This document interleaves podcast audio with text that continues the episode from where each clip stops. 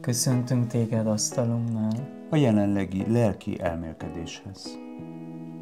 Bemutatom neked Ferkót, avagy Mikó Ferencet. Bemutatom neked Güntert, avagy Milt Güntert. Ferko Erdély mélyében él, egy kis falucskában, Tarcsafalván. Günther Németországban él, hol Freiburgban, hol Frankfurttól nem messze, egy kisvároskában. Ferko lelkész, és egy egyházközséget vezet. Günther lélekbúvár, avagy pszichiáter és terapeuta, és egy családokat kezelő kórházat vezet. Ferko unitárius. Günther katolikusnak született, és buddhista szerzetes volt. De mindketten elsősorban Humanisták vagyunk. Ferko három gyermek édesapja. Günthernek van egy kislánya. És ha nem is sejtetted, Testvérek vagyunk. De a nap végén mindketten emberek vagyunk, Az élet csodáival, a sors csapásaival, hétköznapok bukásaival és szívünk reményével. és álmaival. Erre az útra hívunk meg téged is, Megosztunk veled egy csöpp mézet. hogy minden napjai lelkét édesítse. Szervusz, kedves hallgatónk! Isten hozott ide az asztalunkhoz, ahol most ismét szeretnénk beszélgetni veled. Igaz, hogy a te hangodat még nem ismerjük, de biztosak vagyunk benne, hogy nyitott szívvel és lélekkel ülsz itt. Mi próbálunk olyan témákat idehozni, ami téged is megmozgatnak. Olyasmi, ami az mi életünkben is egy helyzet volt, de amivel mi, főleg a szakmai pályánkból kifolyólag, a, a lelkészi tapasztalat, vagy éppen a, a, a lélekgyógyász úton találkozik az ember, és próbál egy kicsit megbarátkozni, és magához simítani ezeket az érzéseket. Túlzás lenne azt mondani, hogy van rá megoldásunk, inkább azt mondanánk, hogy beszélgettünk róla. Günther, milyen témát hoztunk mára ide? Először köszöntelek én is, kedves hallgató, itt vagy velünk az asztalnál. Ebben a heti találkozóban minden kedden tesszük nyilvánossá a beszélgetésünket, és elkezdtük a kalandozást az érzelmek világában, és erre a hétre az érzelem az a szégyen.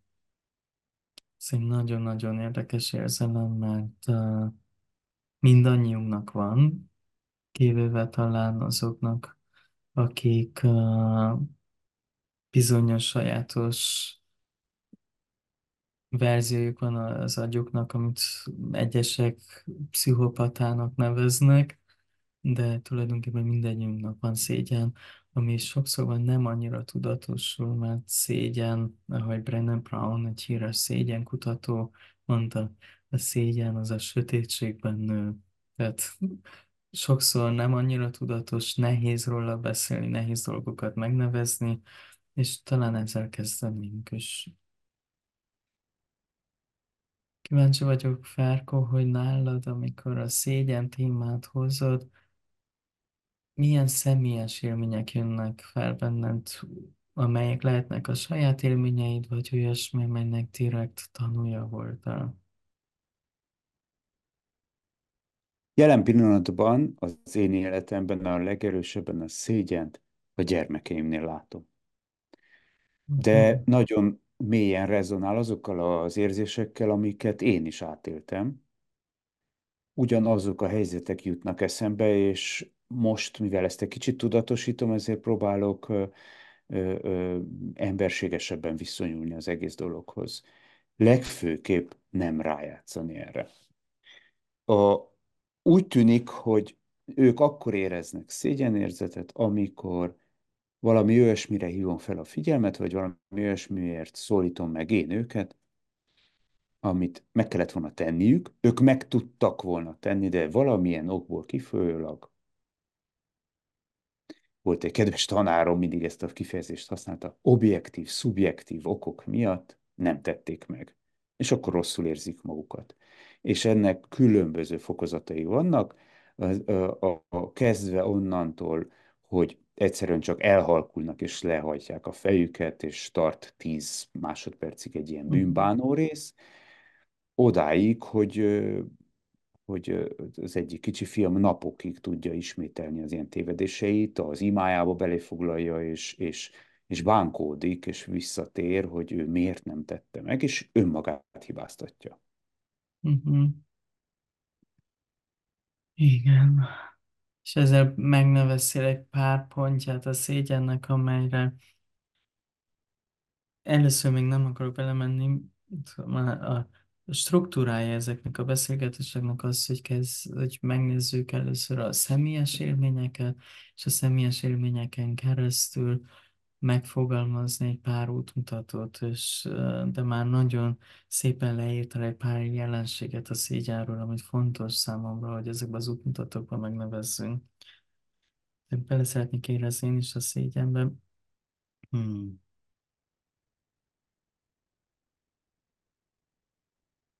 Nálam az egyik a, a dolog az, az a szégyennél, hogy uh, ha megjelenik, akkor gyakran nagyon intenzíven jelenik meg. Hmm.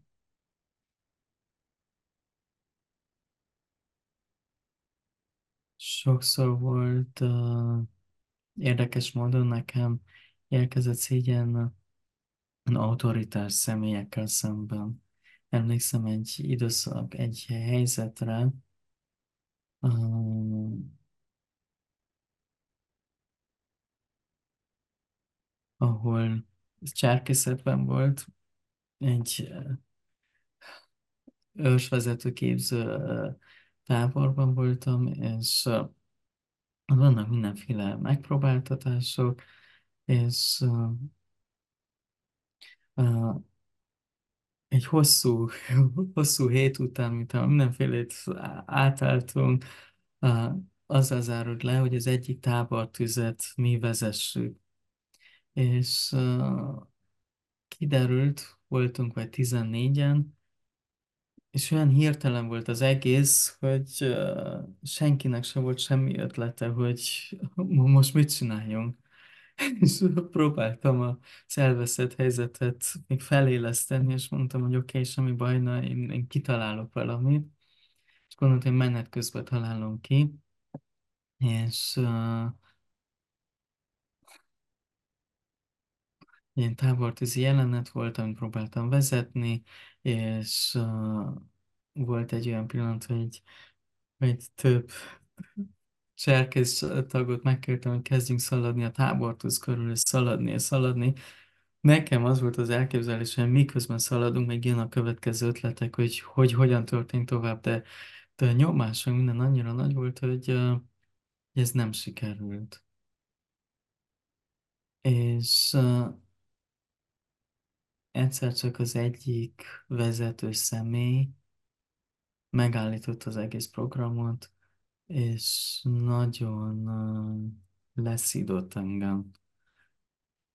Habár én tényleg mindenki nevében, tehát a 14-ből, akik voltunk, próbáltam az egész helyzetet menteni, ami menthető, valahogy egy nagyon nagy fejmosást kaptam, és egy nagyon erős, intenzív szégyenérzetem volt. Emlékszem, hogy ö, még lefagyott, gyakran ez van, hogy az idegrendszerünkben, hogy egy ilyen intenzív élmény jön, míg a szavak is leblokkolódnak sok gyermeknek felelés közben az iskolában történik ilyen, vagy mások előtt valamit mondani. Nekem ez a lehordás közben volt egy nagyon intenzív szégyenérzetem. És egy érdekes dolog, az mi történt, hogy uh, ilyen egzisztenciális vetülete lett ennek a szégyenérzetnek. Tehát volt egy impulzus bennem, az egészet megkérdőjelezni, hogy vajon nem még uh, itt szabad-e lennem ebbe a világban. Tehát, hogy nagyon mélyre hatott ez a szégyenélmény. Igen. Hmm. Azóta most már a saját biográfiás történetemé vált, és tudok róla sokkal nyitottabban beszélni. És ez az egyik folyamat, ami fontos a szégyen feloldása meg emésztésében, hogy mindenféle elítélet nélkül a saját történeteinkre rá tudjunk nézni, és megnevezzük, és uh, um, álljunk hozzá egy nyitott szívvel, egy gyöngét szívvel. Uh-huh. Kíváncsi vagyok, Fárko, mi történik benned, mikor ezt a példát, uh, emléket hallod, hogyha valami más még előjön, vagy ezekből az Az a, az a szó, hogy autoritás, ez, e, e, ezt tudnám én kiemelni.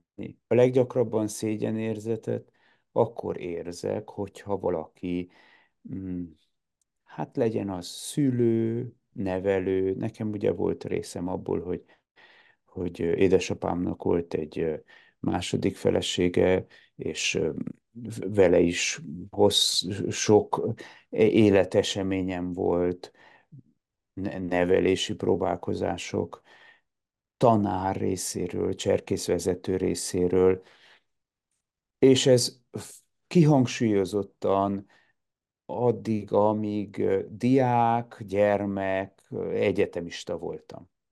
Felnőttként azért nagyon ritkán érem meg a, a, a megszégyenítést, vagy ez, ez, ez az a, a, autoritás érzést. És nagyon próbálkozom azon, hogy én ne éljek ilyennel. A leggyakrabban Hm. az én esetemben a, gyermekeimmel tud megtörténni, és nagyon rosszul érzem magam, amikor közel kerülünk ezekhez. Van, amikor az indulat elfog, és van olyan, a kicsi fiam, akit mondtam, ő, ő, ő nagyon szívre vesz, és nagyon, a másik kettő nem érzi annyira, nem reagálja annyira ö, ö, intenzíven, és, és ebből látszik, hogy ezt különbözőféleképpen éljük meg. Ha én most az elmúlt négy évtizedre tekintek vissza, amiben megéltem ilyet is, olyat is, azt látom, hogy a, a szégyenérzetnek az intenzitása, és az, hogy ezt mennyire vesszük szívre, mennyire jogos, helyén való, alapos, ez sokban függ az önértékelésünktől. Mhm. Mert ha erős, az, azt tapasztaltam én, hogyha erős a támpontom, és tiszták a saját értékeim, akkor tudom simán egy helyzetként kezelni, hogy ez az élethez tartozik, és hogyha nem erősek ezek, akkor a szégyenérzet sokkal-sokkal intenzívebb, és, és akkor mélyebb, mélyebben hat. Ezek jutnak így elsőre eszembe. Mhm. Ö, és ö, igen, ugyanazt a helyzetet meg tudtam élni én úgy, hogy nagyon-nagyon rosszul éreztem magam, és átélem most, kimondhatom, a te- terápiám után átélhetem most, az elmúlt esztendőben azt élem meg, hogy sokkal inkább kezelem egy természetes dologként azt, hogy nem tudok valamit megtenni, amit esetleg más vár, és ez van. És akkor már Mhm. a szégyen sokkal kisebb részben jelenik meg, ha egyáltalán meg is jelenik. Igen. És megneveztél több pontot. Uh, érzem, hogy lassítok, mert nem akarok túl gyorsan uh, fogalmakba menni, nem az élmények szintjén maradni. De megnevezem egy pár részt, ahol gyakran előjön. Az egyik az autoritás személyekkel szemben jöhet elő, tehát szülőktől kezdve, tanárok, tanítók, más munkahelyen. Mm, Egy másik irány, ahol nagyon nagy szerepe van a szégyennek, az a, az intimitás és szexualitás. Ez nagyon sok szó történik, hogy testünkkel, személyünkkel, meg egyáltalán, mikor kapcsolat kialakításról van szó, a szégyenérzet jöhet elő, vagy, vagy akadályban állhat, és Egy harmadik nagy kategória az más emberek előtt vagy csoportban. Annyira, hogy egyeseknek nagy nehézségük van mindenféle csoportban, mások előtt valamit tenni, valamit mondani, megszólalni. És ennek nagy a variánsa van mindenfélétől a, az, hogy egy emberrel beszélni és, és szégyelni, bizonyos dolgokról besz- beszélni, ez a leggyakoribb formája, de ez felelés az iskolában, csoportban megszólalás, lámpaláz, ezek mind egyféleképpen a szégyen kategóriából tartoznak az én szempontomból. Különböző formái a szégyennek. Hmm. Ha úgy nézzük, szégyen az egy sajátos félelem, és a félelem, ami kimondottan elítélésre vonatkozik. És Ezt még egyszer? Ezt még egyszer? A szégyen. Az egy sajátos félelem, ami elítélésre vonatkozik. Félelem egy elítéléstől, vagy már meggyőződés, hogy uh, elítélésre vagyunk um, Igen, ez, e, e, rendeltetve. Uh-huh. e, igen, ez az elítél az a magyar nyelvben e, e, hordoz egy negatív konnotációt. Én idehoznám szinonimaként, amit e, e, e, ez, ez a szó nálam nagyon rezonál, azt hiszem nem foglalkoztam eleget vele, de sokszor előn ez a megítél, vagy minősít. Tehát Igen. És itt explicit az elítélésről van szó, és uh, el, első különbség, amit tennék, az a először is ezek a dolgok, amikről beszélek, először szeretném tisztelni, hogy különböző nézetek vannak a szégyenről, különböző szégyenkutatás van, és abban a különböző irányok, Ez, amint én mondok, ez az egyik nézőpont, és uh, anélkül túl részletezni, mert nem akarok túl elméleti síkokba lépni, vannak más szempontok is. Tehát szempont, amit én is képviselek, uh, megkülönböztetni először a bűntudatot és a szégyent. A bűntudatnál azzal van gondunk a saját cselekedetünkkel. Egy helyzetre gondoljunk, lehet, hogy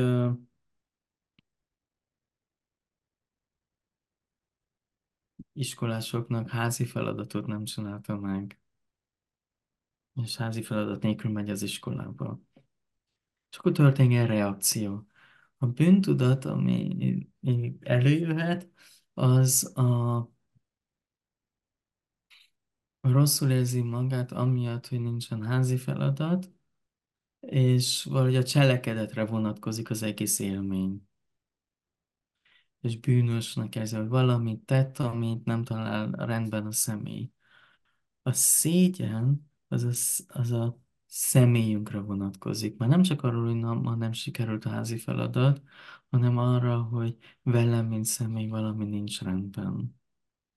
De ezt a kettőt azért becsületesen összekavarjuk.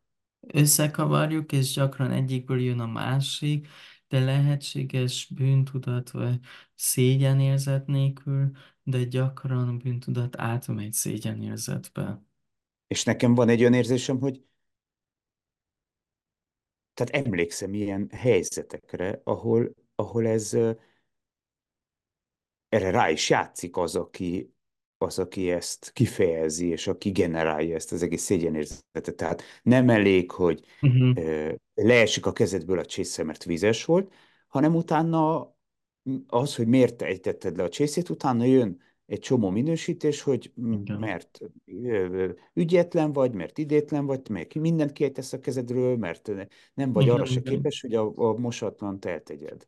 és ö, lehet ezt fokozni, Uh-huh. és ö, nem csoda, hogy a kett, egyikből jön a másik, és mi összekeverjük, és nem tudjuk jól elkülöníteni. Itt csak egy csészéről volt szó, és nem az én egész személyiségemről. Igen, pont erről van szó, és ezzel megnevezted egy másik aspektus. Ez egy nagyon nagy téma, amiben mindig azt hiszem, hogy egy kicsi, kicsit belemegyek uh, ilyen különböző részekben, de megnyitom megint ezt a témát, amely a fogalmam, amit én ehhez értem, ezt úgy nevezném, hogy uh, most nézem meg, mert eddig sokszor más nyelveken használtam, hogy szól ez magyarul, patriarhátus, van matriarhátus és patriarhátus van Igen, ezt jól mondod, mind a kettőt, és azt hiszem, Pa- a te kedves hallgató patriarchális, jól érted. igen, patriarchális trauma. Ez egy nagyon komplex téma, de egy aspektusát kinyitom most. Szégyenen keresztüli nevelés, ez az egyik aspektusa. De gondolod, hogy ez csak ö, traumánál és patriarhátus rendszerekben és társadalmakban létezik? Azért, mert olyan nagy a téma, most nem akarok részletesebben belemenni, maradunk ennél a pontnál, hogy szégyenen keresztüli nevelés. A Jó. másikat egyszerűen csak megmondtam, mint fogalom. Azt hiszem, hogy egyszer lesz erről egy sorozat, amikor csak erről a témáról fogunk beszélni, de és akkor megint összegezni az e- különböző aspektusait, de most, most csak kiemelném ezt a pontot, hogy szégyenen keresztül nevelés. Mert végül is arról van szó, hogy történik valami, ami másként alakult, a gyermek valami más csinál, mint ahogy a szülők szerették volna, vagy a nevelők, és a változásnak a kialakítását ezt a szégyenen keresztül. És ez a meggyőződés, hogy valakit szégyenbe hozni, leszégyeníteni, vannak ilyen kifejezések, azáltal az most meg fog változni. A dolog, ami a szégyennel van, hogy a leszégyenítés élményei azok nagyon-nagyon izoláló élmények. Kizáró, közösségből kizáró élmények. Hogyha ez nyilvánosan történik egy csoport előtt, például vegyünk egy cserkész csapat előtt, vagy osztály előtt, akkor érted ezt? Akkor, A akkor ez nagyon szülőgyermeki, nyilvánvaló. Tehát én megéltem olyan helyzetet, nekem volt az egyik kórházban olyan főnököm, aki kiabált nagyon sokat a, a kollégákra. Felnőttek vagyunk, sebészek voltunk, egy csoport idegsebész, és, és jön a főnök, és valami nem úgy történt, ahogy kellett volna, elővette az egyik nagyon uh, lelkismeretes kolléganőmet, aki éppen ügyeletem volt, és az egész csoport előtt elkezdett rá kiabálni, hogy hogy lehet, és ennyire. És, bá, és ilyenkor nem akart semmit sem hallani, mint érv, teljesen lehordta, tehát megszégyenítette, és uh, utólag, két nappal később ez a kolléganőm felmondott. Mindennek a tetteje, hogy a, hogy a főnök utána felismerte, hogy valami félreértésről volt szó, és valami rosszul értett egy információt, és kiderült, hogy nem is úgy volt, ahogy ő gondolta, és utána már vagy fél órával rá személyesen elment a kolléganőhöz, és személyesen négy szem köz bocsánatot kér, de a csoport előtt egy nagy ilyen megszégyenítés volt. Így, és ha összekötöm még egy szállal, amikor, amiről már múlt részekben beszéltünk, ugyanúgy a kisbabáknak, mint a felnőtteknek a, régi-régi időszakokban, amikor ősemberek voltunk, a kiközösítésnek van egy egzisztenciális vetülete. És a szégyen az valami, ami kik, a megszégyenítés az olyasmi, meg, aki kiközösít, és hogyha egy ilyen szégyenérzet, egy erős szégyenérzetünk van. Német, az, német nyelven van még olyasmi, hogy pánikattacke, mint pánikroham, és manapság beszélnek emberek sámattackerről, mint egy szégyenroham. Tehát valakinek lehet egy szégyenroham, ugyanúgy, egy pánikroham. Ilyen szégyenroham, az egyből teljesen elizolál minket mindentől és mindenkitől. Annyira, hogy szégyen rohamban az embereknek nagyon erős öngyilkossági impulzusai is jöhetnek. És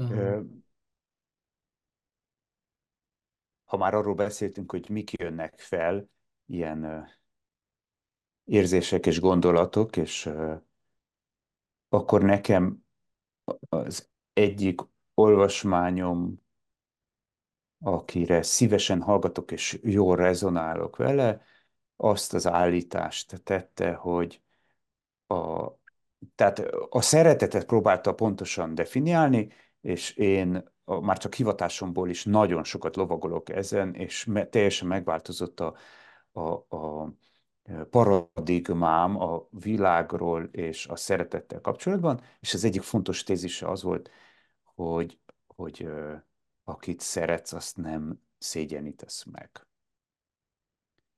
hogy ezek mhm, kizáró jellegű dolgok. Tehát az egyik és a másik az, az kizárja egymást. Tehát ha megszégyeníted, akkor nem szereted, ha szereted, akkor nem szégyeníted meg.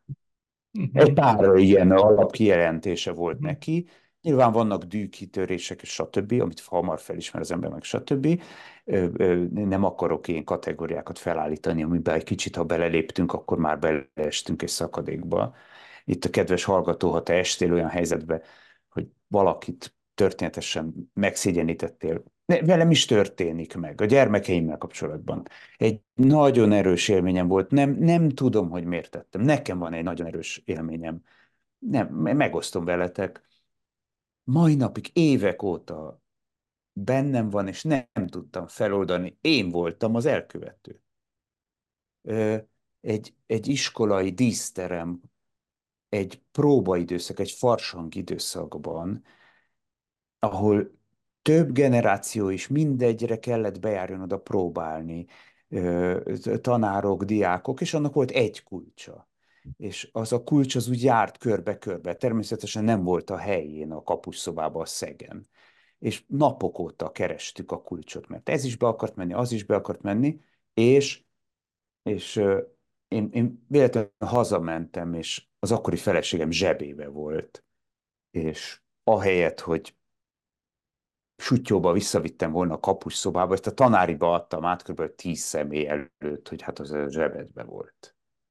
Mert én akkor valami nagyon erős ö, ö, ilyen tanítási dolog volt bennem, akkor sok vita volt ezzel kapcsolatban, hogy hol van a kulcs, és jó helyre tette de, és nem tudom milyen meggondolásból a, a, a cselekedet, a mondat kimondása közben éreztem, hogy ez nagyon nem helyén való. És utána tehát mind a mai, ez, ez több mint tíz éve történt, és ma is él bennem az érzés. Én ne, nem, nem tudom, hogy voltam erre képes. Minden esetre ez nagy, na, nagyon rosszul esett. Na most visszatérve, ahonnan én ezt az árat megnyitottam, hogy, hogy az, akit szeretsz, a kisbabát, vagy a gyermekeidet, azt ne szégyenítsd meg, a mhm, társadat. mhm. Nyilván csoport És, előtt aztán semmiképp. és érdekes, hogy így feljön sok dolog bennem, amikor ezt hallom, és uh, különböző aspektusok. Az egyik, pont ahogy, ahogy fogalmaztál, annyira szépen volt érezhető számomra valami, és val- intuitíve te is érezted, ezért még alakítottál a szavakon. Egy különbség van elvekből valakivel találkozni, vagy szeretetből valakivel találkozni. És uh, az elvekből találkozás az egyik uh, táplálója a szégyennek. Inkluszíve például ez a meggyőződés, hogy ha valakit szeretek, akkor nem szégyenítem meg, hogyha ez mint egy elv jelen van, akkor az első dolog, és, és ezzel jól, érezhető a példában, az egy, egyik leggyakoribb, ami történik, miután megszégyenítési élményeink voltak, valami van magunkban, ahol mi saját magunkat szégyenítjük.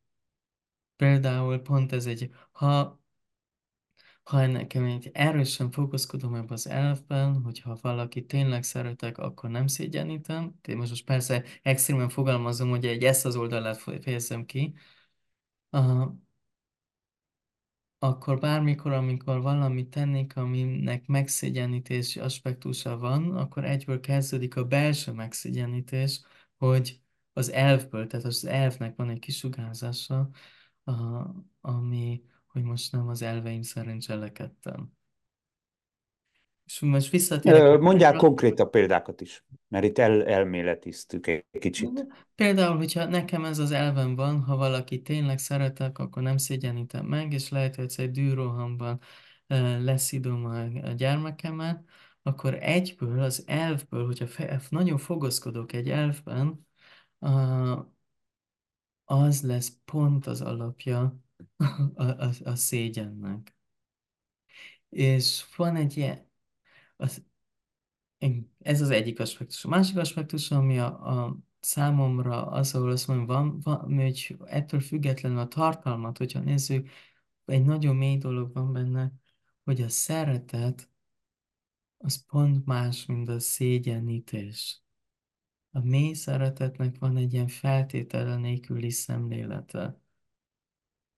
Igen. És akkor úgy mondhatnám, ahelyett, hogy én általánosat azt mondanám, hogy amikor éppen szeretet van bennem, akkor nincsen szégyen.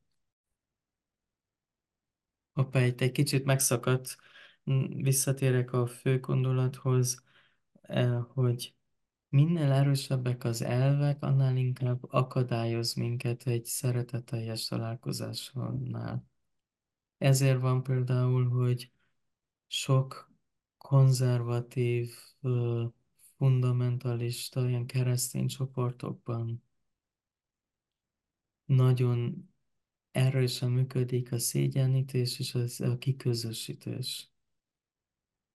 Bármi van, eh, Ehhez, ehhez jut nekem eszembe, habár a első műsorokban beszéltünk arról, hogy én lelkész vagyok, és ettől a szótól néha megijednek, egymás között mi tudjuk, de kedves hallgató, neked is elmondom, hogyha nem ismernéd az én egyházamat, az unitárius egyházat, ami alapvetően már a 21. században én úgy érzem, hogy nagyon elfogadó és befogadó.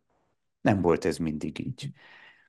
Tudunk konkrétan jegyzőkönyvekről. Sajnos én megkövetem őket, rémesen sajnálom, hogy 150-200 évvel ezelőtt valószínűleg abban a korszakban a mi egyházunkban is egy teljesen természetes dolog volt a közösségi megszégyenítés, eklézsia követés. Ez azt jelenti, amikor a gyülekezet elé, például egy istentisztelet keretében ki kellett álljanak, és, és, és, és nyilvánosan bocsánatot kellett kérjenek, vagy, vagy szégyenpadra kiügyenek a, a templom elé, vagy különleges adót befizessenek. Nem akarom ezt megnyitni, de nagyon sajnálom. És a mi toleráns egyházunk is művelte ezt, mert a társadalom élt ezzel a mechanizmussal. Nem tudunk arról, hogy ezek az emberek tömeges öngyilkosságot követtek volna el, mert ugyanúgy a társadalomhoz hozzátartozott az is, hogy az öngyilkosnak a családja is szégyelte magát. Meg nem temették el bizonyos felekezetek, nem az unitáriusok, de, de ö, ö, ez hozzátartozott ahhoz. És mhm, ö, itt akartam kiemelni azt, hogy hogy ö, az egyházak kimondottan rájátszottak erre mind a mai napig egy, egy alapvető eszközük. Te oda tetted ezt a fundamentalista jelzőt, és én ezt, ezt, ezt én nem tudám csak rájuk vonatkoztatni. A mhm, fundamentalista az a mi fejünkben valami nagyon elzárt, valami nagyon elvetemült. Hát én úgy mondanám, hogy lelkészfüggő.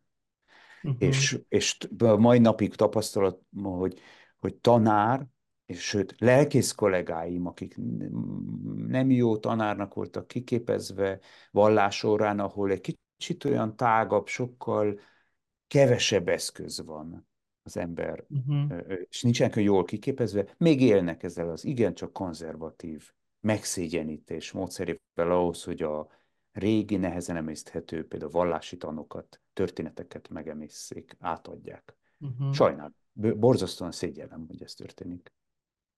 És, és, és ez, ezzel megint az egyik ez, hogy egy ilyen szégyenen keresztüli nevelésnek nagyon sok dimenziója van, és a másik az, hogy a szégyen és az egzisztenciális vetület gyorsan ott van.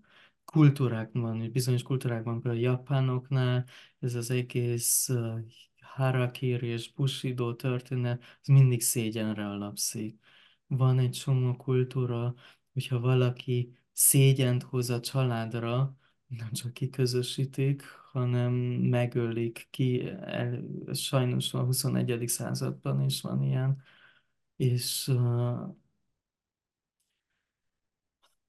nagyon sok fiatal lány nem, nem olyan régen, hogyha a szüzességét elveszi, hogyha teherbe esett, szülők kiközösítik, nem beszélnek vele, és az egész szégyenvonal még sok helyen nagyon intenzíven ott van, de ezek a mi szempontunkból az extrém példák, és sajnos a hétköznapban még sok olyan hely van, hogyha a szégyen antennáink nem élesednek ki, egy csomó cselekedetet befolyásol, hogy miről beszélünk, miről nem beszélünk, mit kerülünk el, mert szégyen van mögötte. Például van ez a film, ami olyan szépen ábrázolta, a, azt hiszem mi volt a címe, Felolvasó nő magyarul? A felolvasó. Felolvasó. Különböző vetületei vannak, de az egyik, például Ja, sokan, szégyelte, hogy analfabéta volt. igen, inkább elvállalta, hogy elítéljék őt a törvényszéken mindenféle büntettél, amit nem ő csinált, mint hogy az derüljön ki, hogy nem tud olvasni. Ezt, ezt ö, érdekes módon én, én te, te filmben látjuk, mert a mai kultúrában ez furcsa, de én, én, én megtapasztalom kisebb faluközösségekben, hogy röstelik, nagyon sok idő kell elteljen. Tehát 50, 60, 70 év, hogy felvállalják vállalni, hogy csak elemi végzettségük van például. Uh-huh. Kettő-három osztályuk van. Aki most középgenerációbeli rösteli, hogy csak nyolc osztálya van. Mert ma az a standard, hogy így vagy úgy egy-két-három évet a nyolcadik osztály után is elvégez. És nem az ő hibájuk. Ez akkor annyira általános volt, csak bekerültek egy másik körbe, ahol nekik most nagy hátrány, és nem tudják jóvá tenni. Uh-huh. És ezzel megint megnevezett, hogy, hogy a, a hétköznapi velület, ez pont az, hogy folyton ott van ez a, a üzenet, a szégyennek az üzenete, valami velem nincs rendben, nem érdemlem meg a helyemet. Ö, behozhatok ide egy fogalmat? Uh-huh. Én ezzel kapcsolatban, ez a mondat, hogy elmondtad, egyből az impostor jut eszembe. Szindróma, igen. Amit én nem ismertem sokáig, aztán, amikor megmagyarázták, hogy mit jelent ez, akkor sokszor önmagamba ismertem fel, Mm, kellett egy terápia, hogy ebből úgy kiózanodjak.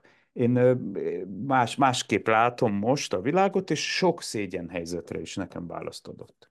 De most nem tudtam, hogy el akarunk-e jutni oda, hogy csak beszélünk róla, vagy, vagy tudunk beszélni olyan dolgokról is, hogy mi segíthet feloldani. Uh-huh. Özönlenek a gondolataink itt, hogy, hogy, hogy mi jut a szégyennel kapcsolatban eszünkbe. Nem akartam vallási szintre elmenni, inkább Akkor hagynám esetleg meg, megszakítanálok, hogy, személyes hogy szinten. tényleg a, a, ez van, hogy ahelyett, hogy általánosan beszélünk, kérdezzük meg, vannak olyan élményeid, ahol a szégyen oldódott? Ahol a, mondta így, csak így például most röviden mondtad, hogy terápia segített. Fel, el tudsz egy ilyen konkrét helyzetet említeni, ahol valami téged foglalkoztatott, és ahogy valami történt, ahol egy ilyen aha élmény jött, és hogy valami oldódott. Hát oldódást igen, csak nem egyik pillanatra a másikra, Uh-huh. hanem a, a, a világnézet, ahogy mondom, paradigma változott, és visszavetítve, újra végig gondolva azokat a helyzeteket, oldódik az az érzés. Már nem tudok olyan szégyent érezni, hogyha fel azokat a élmény elemeket felsorolom, felemlítem, de, de ab, úgy egyik pillanatra a másikra nem. Uh-huh. vagy nem emlékszem. Én mesélek egy pár, pár dolgot, mert me- nekem még, még vannak helyzetek, ahol veled kapcsolatban emlékszem helyzetre, ahol egy ilyen a szégyenélmény is nagyon jelen volt, de azt most nem nyitnám meg, mert uh, uh, hogyha Mert ez olyasmi volt, aminek én tanúja voltam veled. Tehát, hogy, hogy te benned ez eleven ott volt, és uh, ezért nem beszélnek róla, csak hogyha te nyitod meg. Amiről viszont beszélnék, ez még nem oldódás, de egy fontos, hogy itt ebbe a körbe most hármunk között megnevezzem. Egy régi emlék, ami köztünk történt, és nekem még mindig fáj. Hogy, uh, és amiatt már egy más formája Már nem annyira szégyen, egy ideig még, még szégyeltem magam miatta. Most már nem szégyellem, hanem a, a szégyennek a, a változata, ami, ami jöhet, az, az, a, az ez ilyen gyógyító gyász, de erről lehet, hogy később egy picit többet mesélek. Most elmesélem az élményt.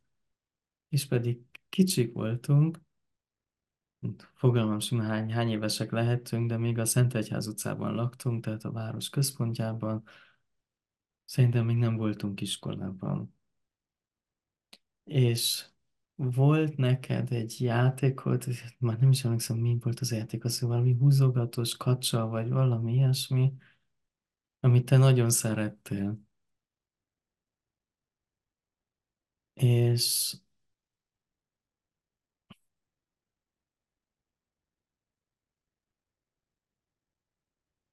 sokáig nem tudtam megnézni, hogy mi is zajlatott le bennem most már, hogyha ha mai szemmel nézem, gondolom, hogy valami irítségről lehetett szó, mert hogy te mindig az mi szemünkben az ügyesebb voltál, a, valahogy a jó fiú, mi, a húgom és én mi mindig a rosszak voltunk, akik ezt tettünk, és uh, ha csokit kaptunk, mi egyből megettük a csokinkat, ezt az egy kocka csokit, amit olyan ritkán kaptunk, ez még a kommunista időben volt, és te valahogy vigyázzál a csokidra, és akkor voltak ilyen dolgok, például tudtam, hogy hogy hova rejtetted el a csokidat, és néha megettem Brigivel a, az elrejtett csokidat. De egy, ami még jobban fáj, hogy volt ez a játékod, és azt hiszem, hogy utólag ez volt, és a helyzet az az, hogy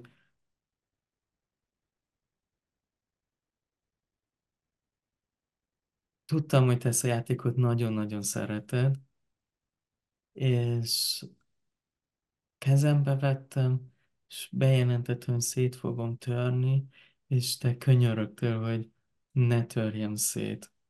És én széttörtem. És még most is vagy nagyon fáj, hogy mi lehetett bennem, amit négy éves kis csöpség voltam, és, uh, és ez az élmény, hogy valaki engem ennyire kér, hogy ne csináljam, és meg is megtettem, és sokkal később volt ezzel kapcsolatban szégyenérzet, most egyszerűen fáj. Tehát ez a, az átváltozó szégyennek egy fájdalom marad, és egy szomorúság, hogy ez így volt. És a mai szemlélődő szemmel azt mondhatom, hogy valószínűleg az az irítség volt egy téma, meg az az érzés, hogy, hogy anyummal szemben valahogy mi mind a rossz gyermekek voltunk, és te voltál a jó gyermek, és igen, egy ilyen dinamika lehetett, ahol egy a tehetetlenség okoz ilyeneket, tehát a saját Érdekes mondan, a szégyenérzet arról, hogy, hogy ezt megtettem, és a szégyenérzet, hogy én abban a helyzetben voltam, hogy, a, hogy nem a, a valamiért, akire gyakrabban mérgesek, dühösek, meg így tovább. És az is egyféle szégyen, és ki is tágíthatom, hogy egy másik szégyenkutató, vagy tulajdonképpen agressziókutató, ilyen börtönpszichiáter neve- nevezte meg, hogy mindenféle legtöbb agresszív cselekedet mögött egy szégyen dinamika is van.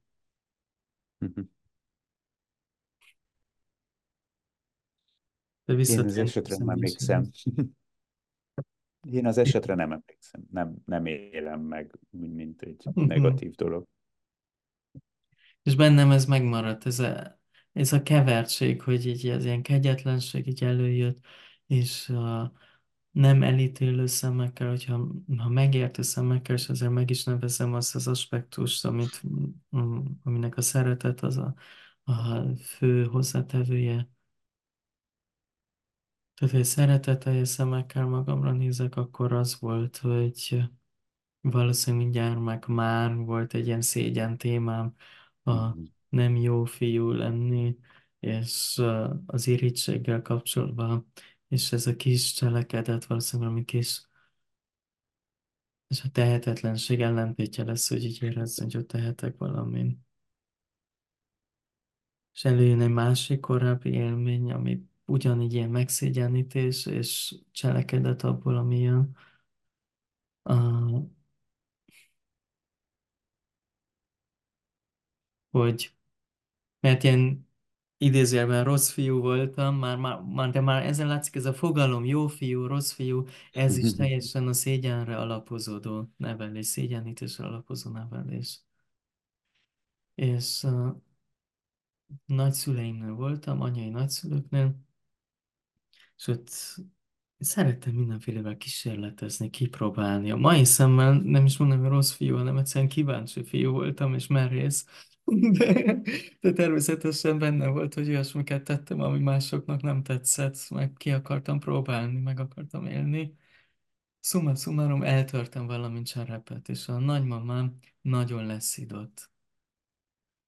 És egy, pont egy ilyen megszégyenítés volt, és az eredmény ennek a megszégyenítésnek az lett, hogy többet nem beszéltem bele.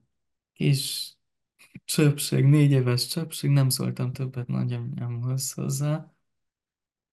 Ez a megszégyenítésnek hatása. Tehát ezzel így annyira látszik, hogy a szégyenen keresztüli nevelés az nem egy belátást okoz, egy együttérzést, egy megértést, hanem izoláló fájdalmat, és esetleg a fájdalomból következően valaki nem csinál valamit, de nem az összekapcsolódásból. És az lett, hogy többet nem beszéltem vele, és még eleven ez a helyzet bennem, hogy ott voltam nagyanyámat meglátogatni, aki a halotti ágyában volt. Még kicsi voltam, és persze nem értettem sokat, de éreztem a helyzetnek a súlyosságát, érződött a levegőben. És ő is annyira akarta, hogy beszéljek hozzá. Szerintem valami békébe akart elmenni.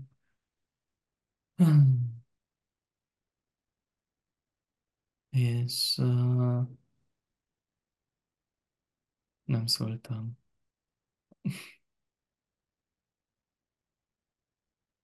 És ez a megszégyenítésnek a következménye volt akkoriban, és most, ami így előjön, ugyanaz a szégyennek a a gyógyító változata egy ilyen megértő, békés szomorúság. Tehát meg tudom érteni, mi történt benne, meg tudom érteni az ő szempontját, és milyen lehetett neki, hogy érezte, hogy a halála közeledik, és a kis unokája nem szól hozzá, és valami haragot tart benne.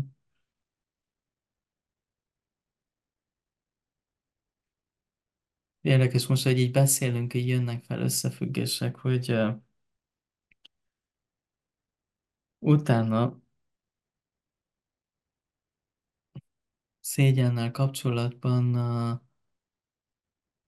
néha pont a nagyanyám személye jött fel, mit tudom, ami, ami tizenévesen, amikor felfedeztem magamnak az önkielégítést, ami mai szemmel és orvosi szemmel egy teljesen fiziológiai jelenség, Persze, mint mondtam, szexualitásban is szégyen egy nagy téma. Sokszor az volt az érzésem, hogy vagy nagyanyám lát engem, és ott van a halott nagyanyám. Tehát teljesen ezek a szégyen témák voltak ott, és uh, néha, hogyha én egy erős szégyellem hullámom volt, voltak olyan spontán feltétel nélküli szeretetélmények, amelyek jöttek, ahol kezdett valami oldódni, és, és az egészet más szemmel nézni. Mm.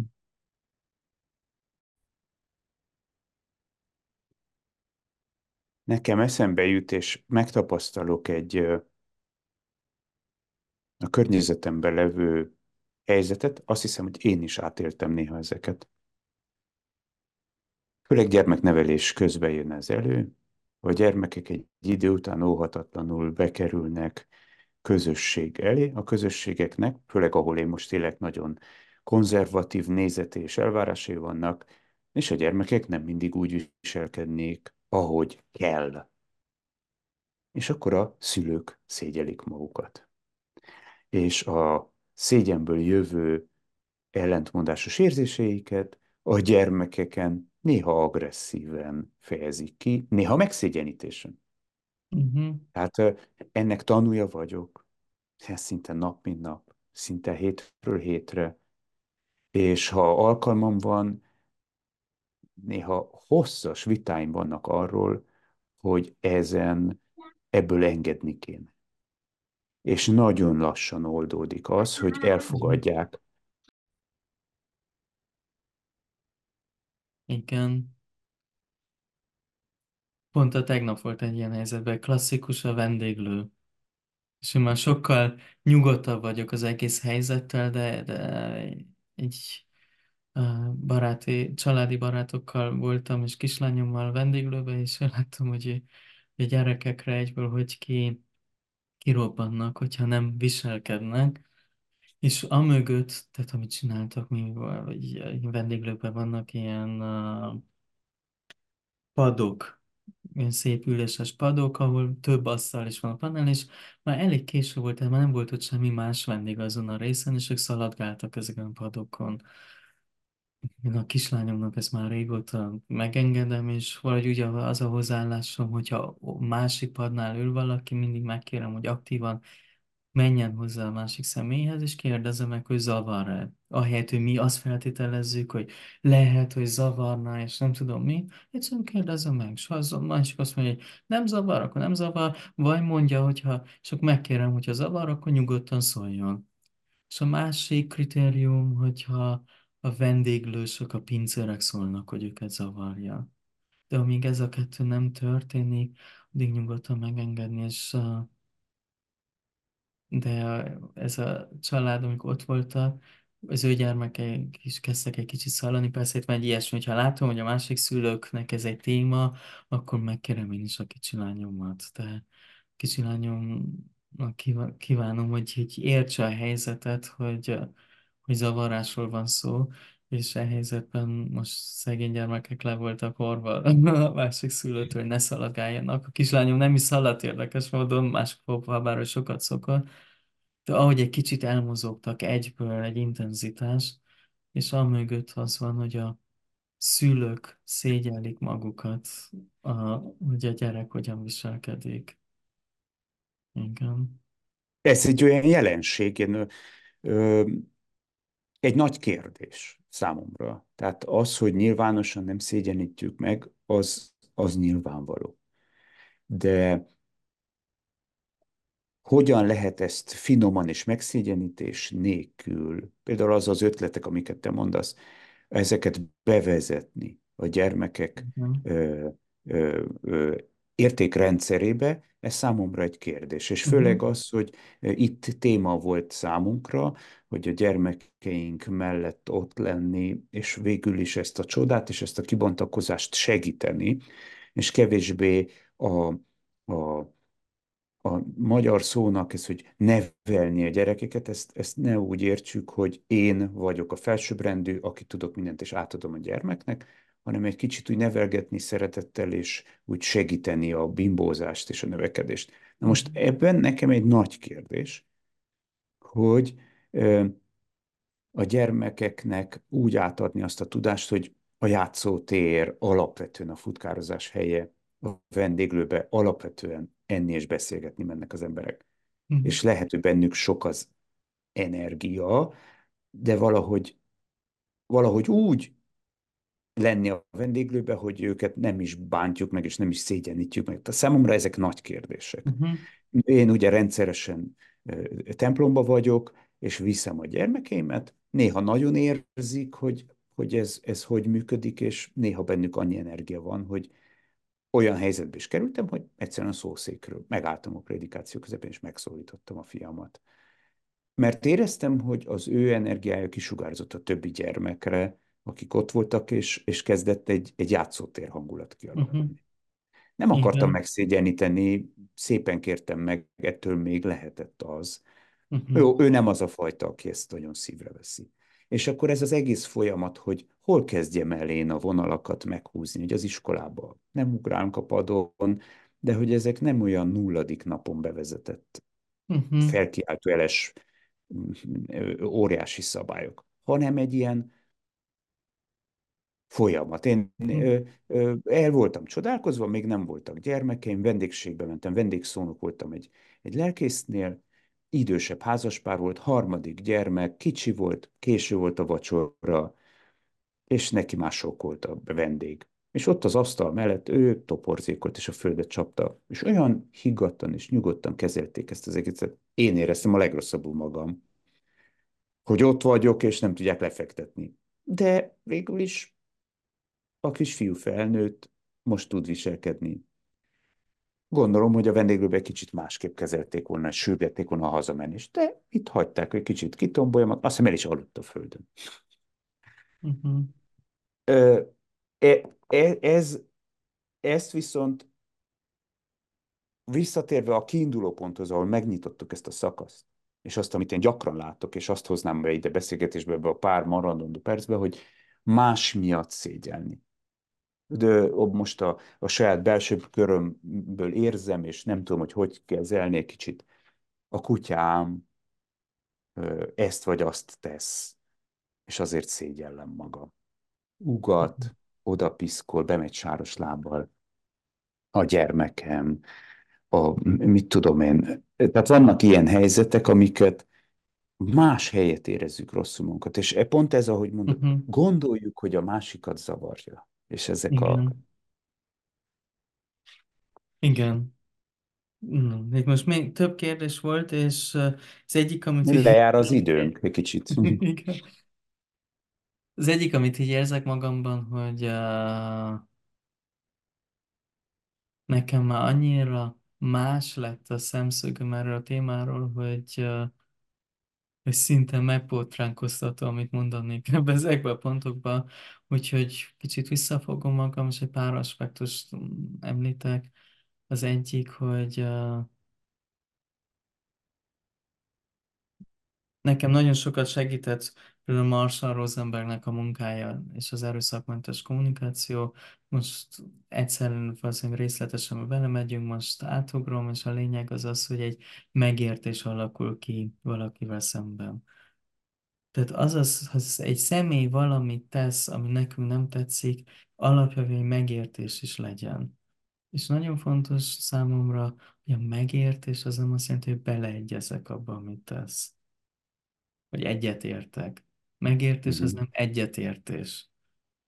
De ott van egy Egy lépés arra, egy lépés arra, abba az És, és, irányba. és, és egy, egy fontos, mert, mert sokszor összemosodik. Tehát, és, és a kapcsolatban bármi is történik, mint interakció, akarom, hogy érződjön az, hogy ez másik személyt, ideális esetben, hogy érződjön, hogy másik személyt látom, és ha közbeszólok, egy olyan féleképpen szóljak közben, ne egy elvet mondjak, például vendéglőben ezt nem tesszük, hanem konkrétan, személyesen nekem miről van szó, hogy én nem akarom a szomszédokat zavarni, például.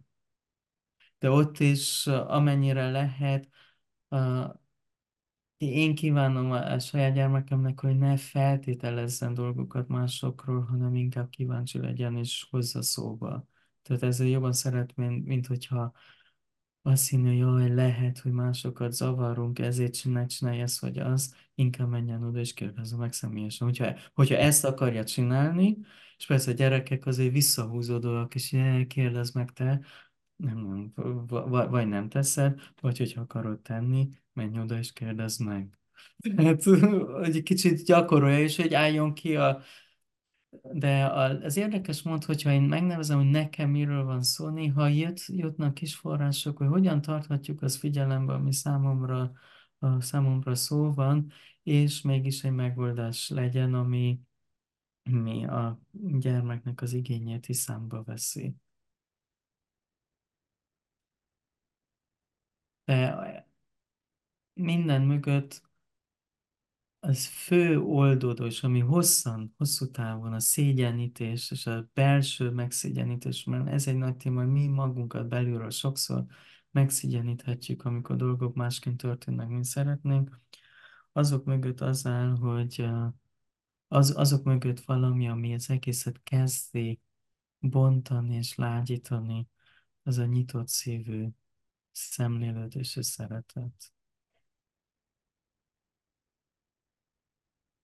És ha visszatérünk ahhoz a mondathoz, ami először mint egy elf hangzott, inkább úgy mondana, akkor, amikor nyitott szívű szeretettel nézünk valamire, a szégyen oldódik, és mikor erős elvekkel nézzünk, és uh, akkor az az egyik táptalaja a szégyennek.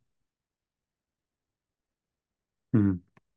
És uh, lehet, hogy valakit szeretünk, és a hullámzanak az állapotaink, néha könnyebben hozzáférünk ez a nyitott szívű, szereteteljes jelenléthez, ami bennünk van, és akkor másként látjuk a dolgot, és másként kapcsolódunk a személyhez, és néha bennünk is elindul valami történet, egy film, és akkor egy elv, hogyan kell lenni a dolognak, ez egy aspektus a szégyen gondolatoknak, hogy így kéne lennie, ez kéne legyen, és nem úgy van, akkor meg az elítélés jön, és megítélés. És... Uh-huh. Végső soron a harmadik részben, ez most az ötödikre, a harmadik rész végén, ez a személyes élmény, amit elmeséltem, az is egy ilyen oldódó élmény volt, ahol belülről én magam nagyon-nagyon elítéltem az a sátor jelenetben és szeretetteljes jelenlét volt az, amik ezt az egészet oldani. És mindannyiunknak a szívében ott van ez a szeretetteljes jelenlét, és néha könnyebben hozzáférhető, néha nehezebben, kicsit attól is függ mennyire kapaszkodunk valami elítélésből.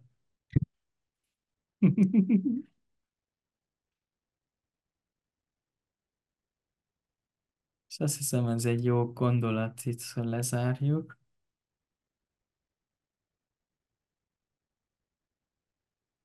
Rendben. És kívánok neked, kedves hallgató, neked, kedves testvérem, és magamnak is kívánom, hogy szeretetteljes találkozásokban legyen részünk. Sok szeretetet kívánok.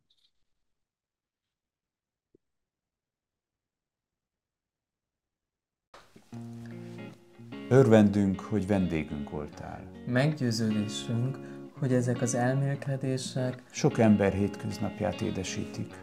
Kérlek, segíts tervünket azáltal, hogy megosztod, lájkolod, hozzászólsz és feliratkozol. Hangunk így könnyebben ér el másokat is. Kíváncsiak vagyunk véleményedre és kérdéseidre. Ír nekünk e-mailt. Küldj hangfelvételt. Vagy egyszerűen csak szólj hozzá találkozásaidat élje teljes szívvel. Ferenc és Günther.